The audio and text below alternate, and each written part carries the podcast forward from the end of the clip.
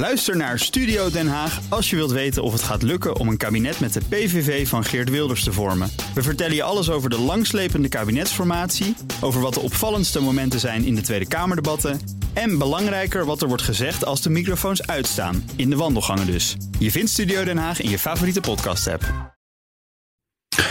Iedere woensdag spreek ik Marcel Beerthuizen van sponsoring adviesbureau Big Plans over ontwikkeling op het terrein van sport en economie. Vandaag zoomen we in op een ontwikkeling in het Nederlandse voetbal, namelijk de opzet van de NL League. Marcel, goedemiddag. Goedemiddag Thomas. Wat is die NL League precies? Ja, dat moet de nieuwe bestuurders- en uh, organisatiestructuur worden van het Nederlands betaalde voetbal. Dat gaat in eerste instantie over de eredivisie en de eerste divisie die samenkomen. En uiteindelijk moet, er, moet daar ook de vrouwen-eredivisie bij komen.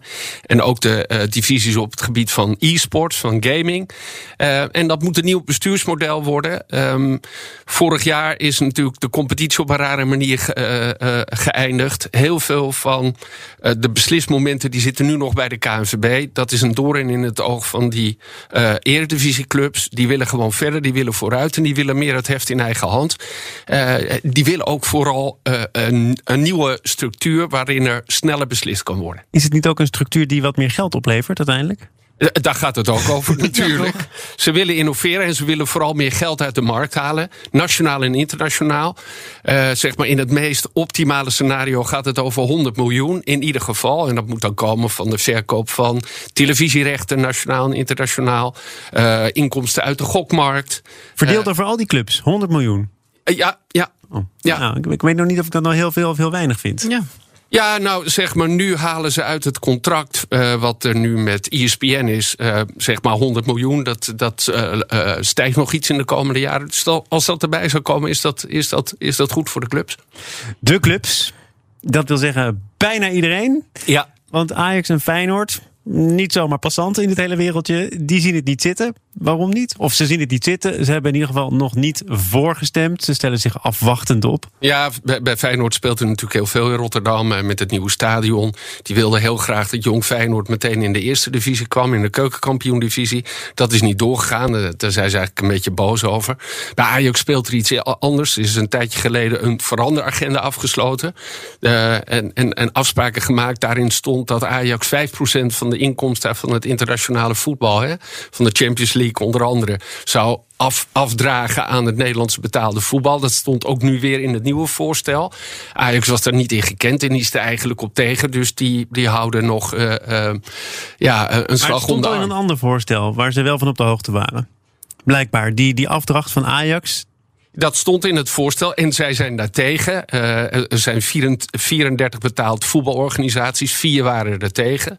Uh, uh, waaronder Feyenoord en Ajax. en daar moet nu nog overlegd worden. Want ja, een, een nieuw model, maar zonder de grote clubs in Nederland, Ajax en Feyenoord, dat gaat natuurlijk niet werken. En wat betekent dit voor de KNVB? Want er is inderdaad veel kwaad bloed gezet vorig jaar met die competitie die op een onorthodoxe wijze tot zijn einde kwam. Ja. het is ook vooral uitgelegd als sterk anti-KNVB deze nieuwe league. Klopt ja, dat? dat is het denk ik niet. Want het is heel simpel. Als uh, alle partijen die gewoon actief zijn in deze markt niet met elkaar samenwerken, gaat het nooit een succes worden.